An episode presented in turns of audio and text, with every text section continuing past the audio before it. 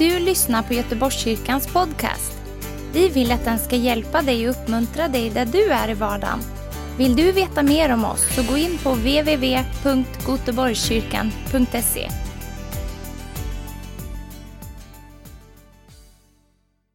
Idag ska vi gå till Kolosserbrevet och eh, vi ska läsa då ifrån kapitel 4 och vers 1 till 6 tillsammans. Jag tror att det kommer upp här på, på väggen också. Kolosserbrevet 4, 1-6. Då läser jag här. Ni herrar, låt era tjänare få vad som är rätt och rimligt. Ni vet ju att ni också har en herre i himlen. Var uthålliga i bönen. Vaka och be med tacksägelse. Och be också för oss att Gud öppnar en dörr för ordet så att vi kan predika Kristi hemlighet. För vars skull jag är fängslad. Be att jag talar som jag bör när jag lägger fram den. Var visa när ni möter de utomstående och ta vara på varje tillfälle. Ert tal ska alltid vara vänligt, kryddat med salt så att ni vet hur ni ska svara var och en. Herre, jag tackar dig så att ditt ord ska bara få vara levande och verksamt för oss idag. Jag tackar dig Gud att du vill vara med idag. Tack att du helige Ande, du verkar eh, genom oss Herre och så att vi får ta del av ditt ord, att det bara får, får ge oss någonting nytt som vi kan stå på och som vi kan gå på. Tack att ditt ord det är ljus för vår stig. Tack att ditt ord är kraft. Det är liv, Herre, till hela vår varelse. Så vi tackar dig Gud för att du är med nu, Herre. I Jesu namn. Amen. Yes. Jag har kallat den här eh, predikan för Be och arbeta. Kort och gott. Och när vi läser eh, kommer in här i Kolosserbrevet 4 så vet vi att bakgrunden det är ju då att Kolosserbrevet 3 det handlar ganska mycket om den nya människan, att vi ska klä oss i nya kläder. Och så liksom Gud han förbereder oss på eh, att vi ska liksom tänka på det som Gud har gjort, att vi är nya skapelser i Kristus Jesus. Det gamla det är förbi, någonting nytt har kommit. Vi ska klä av oss den gamla människan och ta på oss någonting nytt. Och han säger också Paulus att vi ska börja tänka på det som är där ovan, inte på det som är på jorden. Och han talar också om relationer mellan människor, mellan herre och slav, som vi ser här också. Och det går in också i vers nummer ett där. Att eh, vi ska också tänka på relationer, hur vi relaterar till varandra i familj och, och, och liksom också med de som vi har under oss, de som kanske tjänar oss på olika sätt. Det är viktigt att tänka på. Men det vi kommer in i här nu från vers 2 och framåt till vers 6, det är ju att vi börjar att eh, Paulus lyfter fokuset till det himmelska istället, eller till det andliga. Och nu är vi tillbaka till att tänka på det som är där ovan. Och då handlar det om att be de två första verserna och sen handlar det om att arbeta. Att vi börjar att be och sen så ger Gud oss någonting eh, som, som, som vi ska också arbeta med. Och jag tänker på det här att det, det är liksom hela tiden en växelverkan i den kristna tron. När vi börjar tänka på det som är där ovan, när vi blir frälsta och, och vi har börjat liksom få ett nytt tankesätt, vi har tagit på de här nya kläderna som vi lärde oss förra söndagen. Va? Så, så börjar vi tänka i nya banor, det är andra saker som blir viktigt för oss. Och när jag läser om det här, att be och att arbeta så blir jag så otroligt glad. Jag blir så fylld i min ande. För att alla de grejerna runt omkring, alla mina bekymmer, allt som jag går och tänker på på dagarna.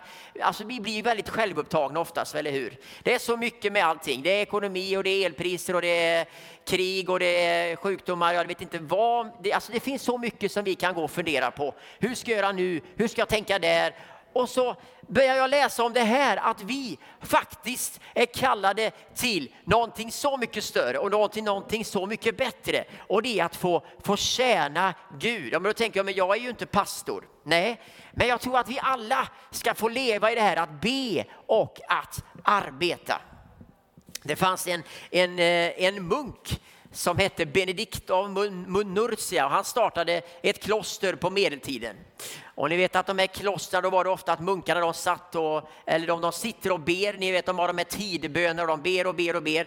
Men här Benedikt han, han, han nöjde sig inte med att bara be utan han sa att vi måste också arbeta, praktiskt arbete. Vi måste komma ut också. Vi kan inte bara sitta här inne i våra eh, små klosterrum och be. Det är bra att be utan vi måste också få komma ut. Och jag tror att det finns någonting Eh, i den kristna tron som handlar om att be, alltså att, som handlar om relation med Gud. Men den här relationen med Gud, den, liksom, den för oss ut ur kyrkan. Den för oss in i ett arbete, någonting som Gud vill att du och jag ska liksom kliva in i.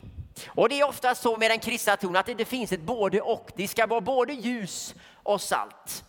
Bibeln talar om både tro och gärning. När, när, det, när, Jesus, när det handlar om Jesus i Johannes evangeliet så står det att han var fylld av både nåd och sanning. Så ni vet att det här att liksom, ja, jag tror på den här växelverkan, alltså att be. Men den andra sidan, sidan av myntet det är att också arbeta för Gud. Och det är det vi ska titta några minuter på. Så be och arbeta, det är som en växelverkan. Det är inte så att, att, att, när vi är unga så ber vi om en, om en kallelse och vi, och vi bara ber och ber Gud hjälp mig, gör så att jag får en mening med livet, ge mig någon uppgift. Och sen när vi får uppgifter så bara vi arbetar och arbetar och arbetar och så glömmer vi att be. Det är inte så ovanligt det där, att det börjar med bön och sen eh, slutade bara i massa arbete, i massa verksamhet, jag, mig och min tjänst. Och så är vi så upptagna med det, med det som vi, hade, vi har fått av Gud så vi glömmer att be. Så är inte tanken, utan jag tror att det finns en växelverkan i det här. Be och arbeta hela tiden. Ora et labora som det heter på latin. Eh, Eh, och vi vet ju Maria och Marta, de här två lärjungarna, de, eh, lärjungarna var, kan man säga också, de var, det var ju två nära vänner till Jesus. Maria, det var hon som satt vid Jesu fötter. Eh, och Marta, det var den som, som ville jobba praktiskt. Hon vill liksom tjäna med sina händer och göra massa saker. Och jag tror att båda de där behövs. Men det Jesus han säger att Maria ändå har ändå varit den goda delen. För jag tror att det måste börja med att, att Gud får röra vid oss. Så att vi börjar tänka på det som är där ovan. Så att vi blir glada över att be och arbeta. För om inte Gud får röra vid oss så kan det här bli jättejobbigt. Måste jag be också? Oj hjälp, jag har så mycket ändå. Vet du hur mycket jag har just nu? Och vet du hur, hur min kalender ser ut? Ska jag be också? Hur ska jag orka med det? När ska jag ha tid att be? Och sen kommer du med det här också, hallå arbeta. Vet du hur mycket jag jobbar i veckan? Jag jobbar 40 timmar i veckan, sen när jag kommer hem så har jag massa andra saker. Hallå, hallå, hallå, tror du att jag både ska be och arbeta? Hur ska detta gå? Jag kommer gå i väggen på en gång. Det är det jag tror att vi måste förstå att vi, vi kan inte leva två liv samtidigt. Vi måste förstå att vårt liv, det är att vara kristna, att vara Kristi ambassadörer.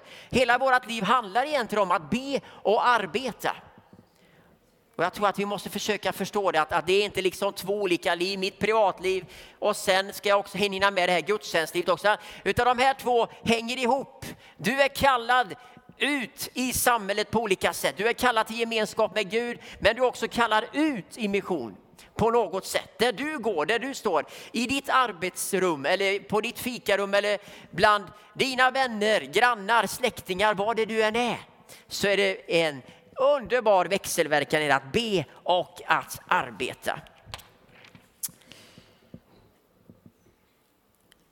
Så det är liksom både jag skulle säga, om, vi börjar säga lite grann om bönen först, eh, de första verserna här, så säger Paulus att vi ska vara uthålliga i bönen, vaka och be med tacksägelse. Och be också för oss att Gud öppnar en dörr för ordet så att vi kan predika Kristi hemlighet för vars skull jag är fängslad.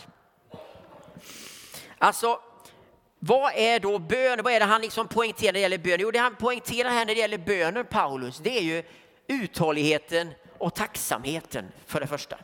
Vad är detta? Jo, det handlar ju egentligen om relation med Gud. Varför ska vi vara uthålliga i bönen? Vad handlar detta om egentligen? Vad ska, måste vi be om samma grej hundra gånger så får vi inget bönesvar? Vi vill ha bönesvar på en gång.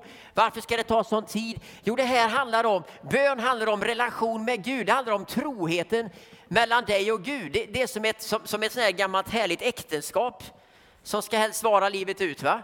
Det, det tar aldrig slut. Det är uthållighet, det är trohet. Vi fortsätter att gå till Gud. Även om inte vi får som vi vill på en gång så blir vi inte sura och arga på Gud.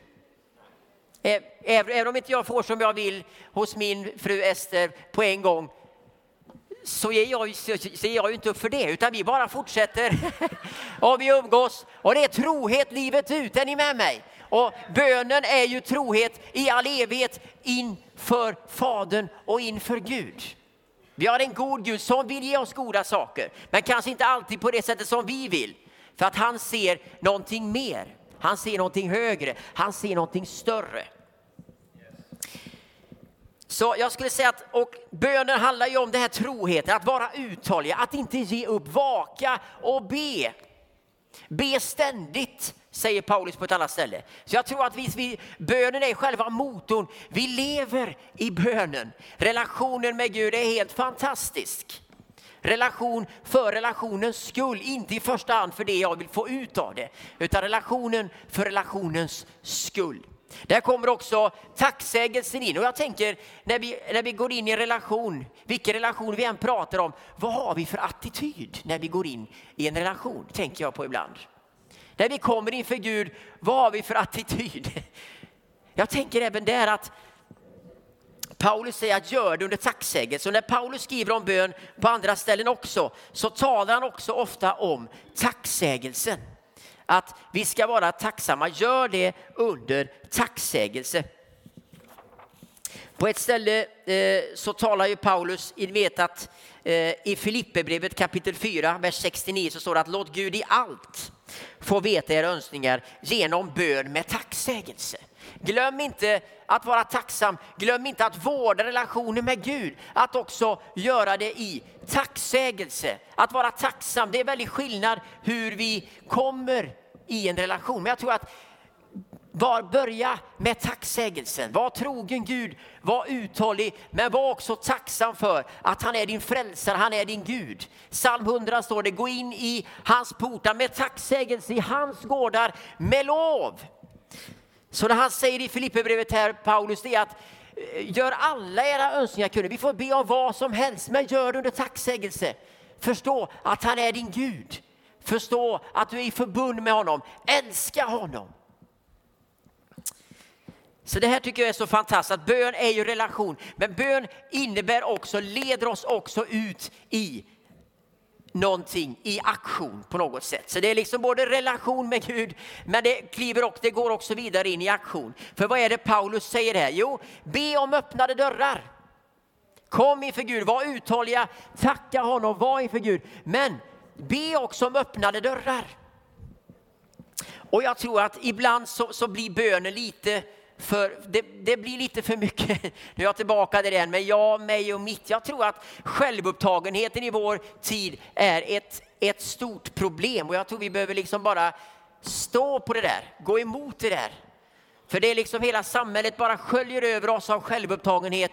Det är liksom egoism överallt. Det bara, handlar bara om mig själv. Men vad handlar det om här? Vad är det Paulus ber om? Han sitter i fängelset. Han kunde säga att be att jag kommer ut ur fängelset fort som på en gång. Här vill inte jag sitta. Det ber han inte om. Det är inte prio ett, hans egna problem, utan prio ett är be om öppnade dörrar. Det kan ju passa i ett fängelse också i och för sig, öppnade dörrar. Men, eh, Be om öppna dörrar, men det var inte för fängelset i första, utan det han pratar om här, det är öppnade dörrar för Guds verk. För evangelisation, så att verket kan gå vidare. Och det tycker jag är så fantastiskt. Han sitter i Rom och han är gammal nu, Paulus. Så man kunde, kunde tänka att nu kunde han sitta där i, i fängelset och liksom plocka upp sina medaljer och säga ja den församlingen startade jag där och det gjorde jag där och du gör det. Nej, han är fort, fortfarande upptagen med att gå, gå vidare, komma in, bara få fortsätta och be om öppnade dörrar. Tänk när Gud får röra vid dig och mig. Tänk när vi får ha relation med honom och vi bara känner att Gud, jag ber till dig men det är någonting inne som gör att jag kan inte bara be. Det funkar inte. Jag älskar att be, men bönen ger mig liksom en kick i baken på något sätt så att det slutar i arbete. Är du med? Den är växelverkan, bön och arbete hela tiden. Så han ber om öppnade dörrar. Och det som händer här, det är ju att eh, han sen då talar om eh, från vers 4 då. Bönen leder till aktion. Be att jag talar som jag bör när jag lägger fram den. Alltså predikan. Var visa när ni möter de utomstående och ta vara på varje tillfälle. Ta vara på varje tillfälle, står det här. Ert tal ska alltid vara vänligt, kryddat med salt så att ni vet hur ni ska svara var och en.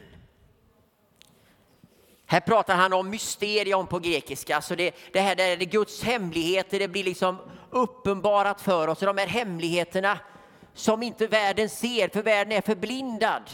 Världen kan inte se Gud, världen kan inte se Jesus Kristus, men den här förblindelsen den försvinner när vi möter Jesus. Och då ska du och jag gå ut med de här mysterierna, vi ska gå ut med Guds hemligheter, för vi har sett någonting annat. Och det är det du och jag ska eh, ge vidare. Och då säger han egentligen två saker här.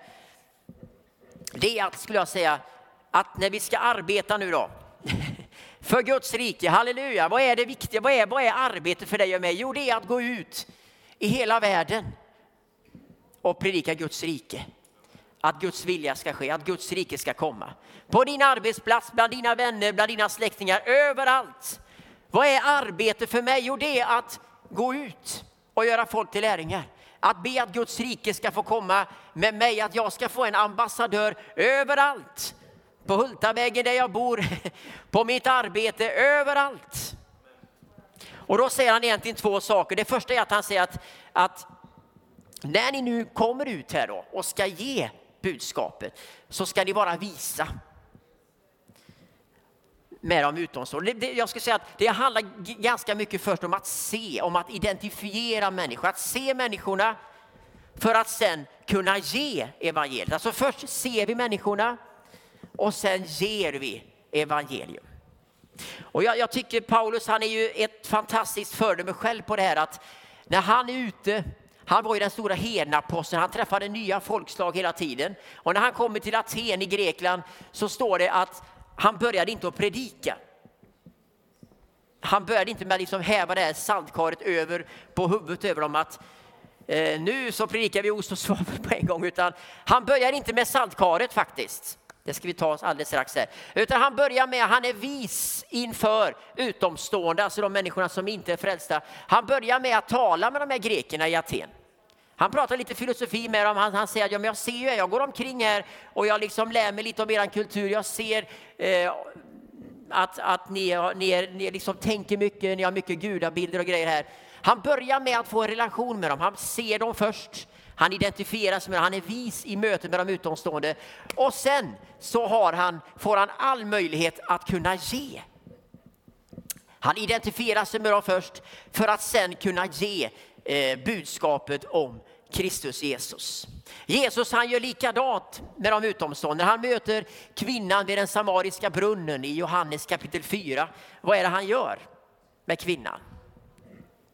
Jo, han sätter sig ner, han, han, han säger att han är trött, står det. Och han ber kvinnan om ett glas med vatten. Han vill ha lite vatten, han är törstig. Det är väl en väldigt bra start. Börja med, med någonting trivialt, någonting vardagligt, någonting som vi alla människor har gemensamt. Identifiera dig med människorna först.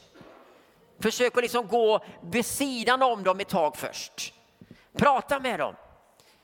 Hitta någonting, nå, någonting som, som öppnar dörrarna för hemligheterna. Du kanske inte bara kan komma med hemligheterna på en gång, mysterium på en gång, utan du kanske först måste gå med den här människan några steg, några mil först för att sen kunna också få ge. Vad är det Jesus gör? Han pratar med den här kvinnan och det leder till ett ganska långt samtal. Hon förstår inte varför han pratar med henne överhuvudtaget.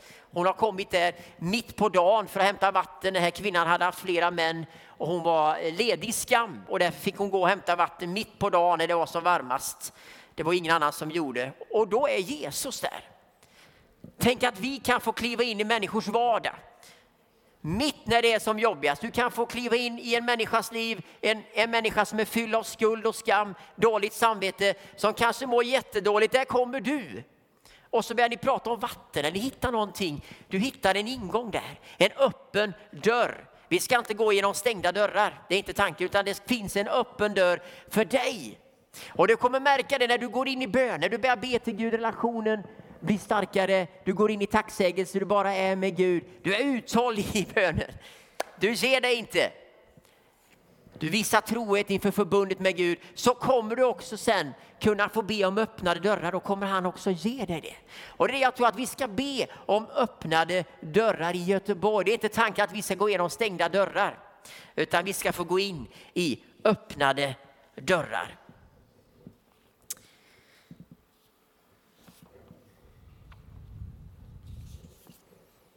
Och sen kommer då saltet. Eh, ibland när man ska laga en så här riktigt god fin middag, det vet ni, det gör ni ibland hoppas jag va? Söndagssteken vet ni och en god sås och så ska man ha lite god kokt potatis ska det vara i Sverige va? Det tycker vi västgötar om, riktiga potäter. Och då är det detta att en gång eh, så skulle jag laga en god middag och så glömde jag det lilla saltet i potatisen.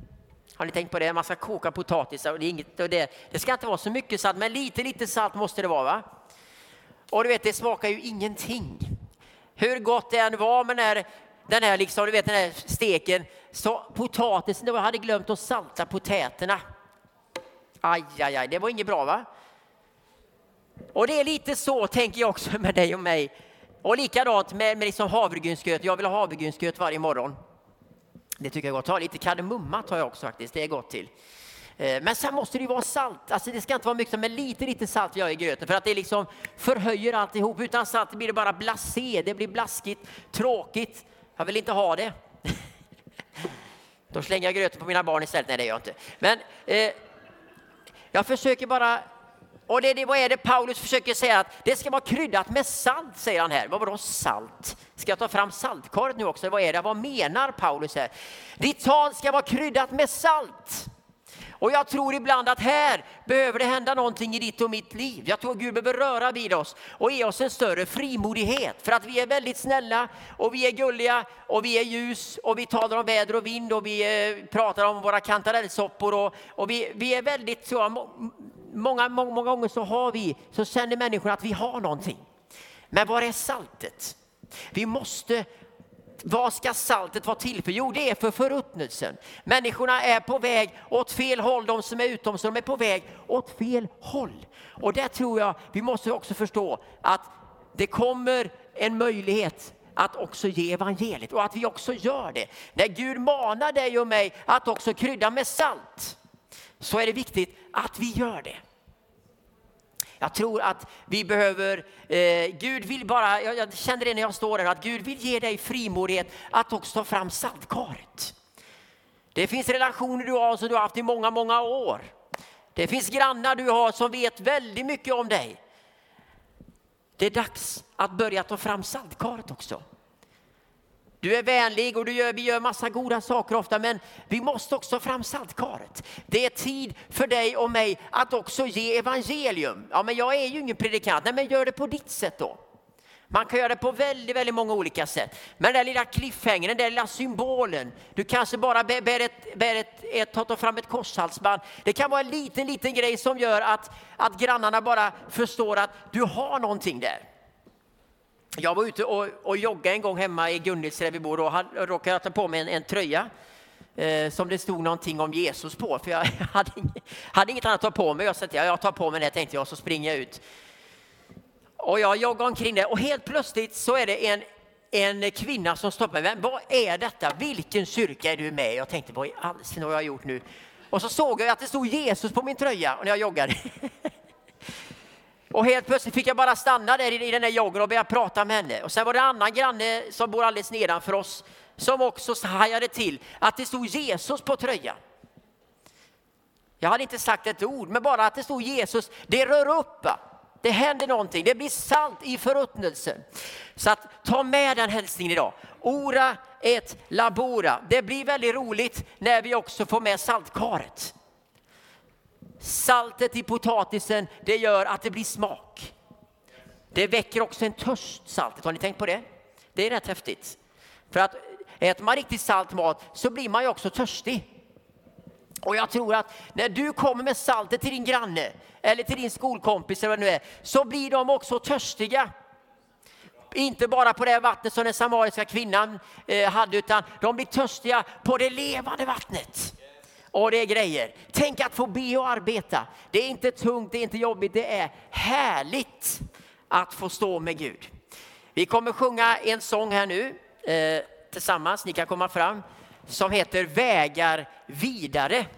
Vägar vidare. Alltså, jag tror att Gud vill att du och jag ska komma vidare. Vi ska inte parkera i våra liv. Många kristna parkerar och så blir man så upptagen med sig själv och man kanske mår dåligt och det, så kan det vara i livet, det är mycket som händer. Men jag tror att Gud vill att du ska hitta vägar vidare. Du ska inte stanna, du ska inte parkera bara för att allt inte går som du fick, bara för att du inte fick bönesvar på en gång. Var uthållig i bönen. Fortsätt att be under tacksägelse. Ge inte upp. Och be om öppnade dörrar. Be inte bara att, att förkylningen ska släppa, utan be också om öppnade dörrar för Guds ord. Be inte bara för din huvudvärk. Det kan man absolut göra. Utan be också om öppnade dörrar för Guds ord. Herre, jag tackar dig Jesus att jag bara får predika ditt ord. Jag blir så salig, jag blir så glad Herre. Att vi som troende har fått sett någonting annat. Tack för mysterium, tack att vi har fått uppleva trons hemlighet. Tack att vi inte längre är blinda utan vi har fått sett in i en ny verklighet Herre. Och tack att vi bara får ha relation med dig och tack att vi också ska få be om öppnade dörrar. Jag ber för öppna dörrar för de som sitter här inne just nu Herre. Jag ber om öppnade dörrar och jag ber också med en frimodighet Herre att ta fram saltkaret Herre. Att älska människan Herre, men att också ge evangeliet evangelium, Herre. Jag prisar dig för en ny frimodighet i kristenheten, Herre. I detta land, Herre.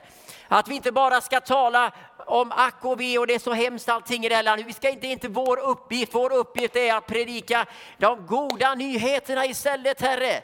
Så vi reser på oss idag Herre. Vi reser på oss i vår fulla längd Herre för att ge de goda nyheterna Herre. I Jesu namn. Amen. Tack för att du har lyssnat.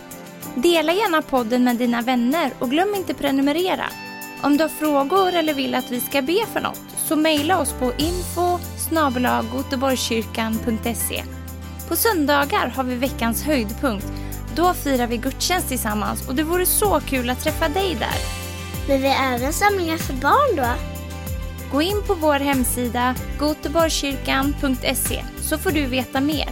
Välkommen till oss!